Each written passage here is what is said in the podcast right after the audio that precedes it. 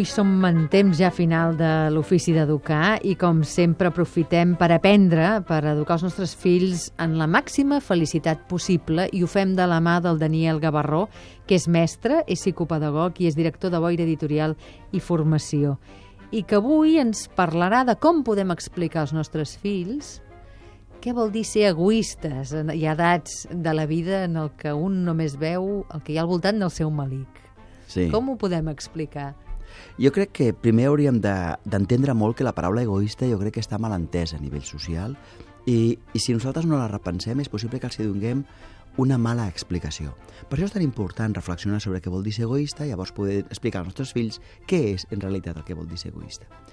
Perquè que jo em cuidi a mi mateix no és egoista. Que jo escolti les meves necessitats i t'expliciti el que necessito per cobrir les meves necessitats no és egoista. Per un motiu molt simple. Jo no... Si, només jo puc respirar per mi. Només jo puc menjar per mi. Només jo puc beure per mi.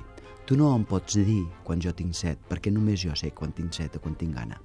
Per tant, jo he d'estar molt al cas de quines són les meves necessitats i explicitar-les. A vegades aquesta necessitat no es pot complir ara i m'he d'esperar, això és un fet, però jo sé que d'aquí una estona l'hauré de cuidar perquè si no hi ha una part del meu cos, de la meva psique, que està en aquest moment està patint, no? Per tant, aquí estem trencant una cosa molt important. Estem trencant una idea social de que l'egoista és la persona que es mira a si mateixa. No, no, és que t'has de mirar. És que si no et mires no captaràs les teves necessitats. Per tant, aquesta és una idea que hem de trencar. I li hem de dir al nostre fill, fill, filla, tu has de saber sempre què és el que estàs sentint, què és el que tu necessites, i ho has de saber explicitar amb bones paraules, però ho has de saber explicitar i demanar-ho. Ara bé, i això no et farà egoista. Ara bé, sí seràs egoista quan obliguis a un altre a fer el que ell no vol fer. Perquè una cosa és que tu vulguis menjar i una altra cosa és que obliguis a un altre a menjar. Perquè tu tens gana.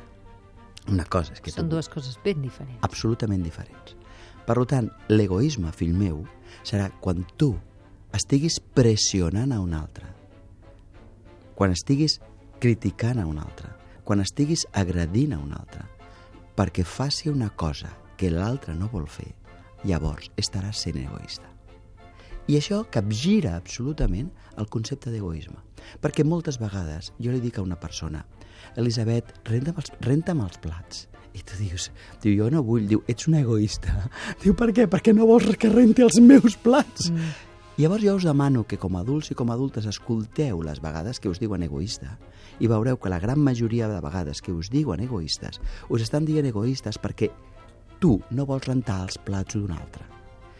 I per favor, això és una cosa que nosaltres com adults hem d'observar per no transmetre-ho als nostres fills i entendre que cadascú té una responsabilitat sobre la pròpia vida, però que l'egoisme és obligar a un altre a fer el que ell no vol fer.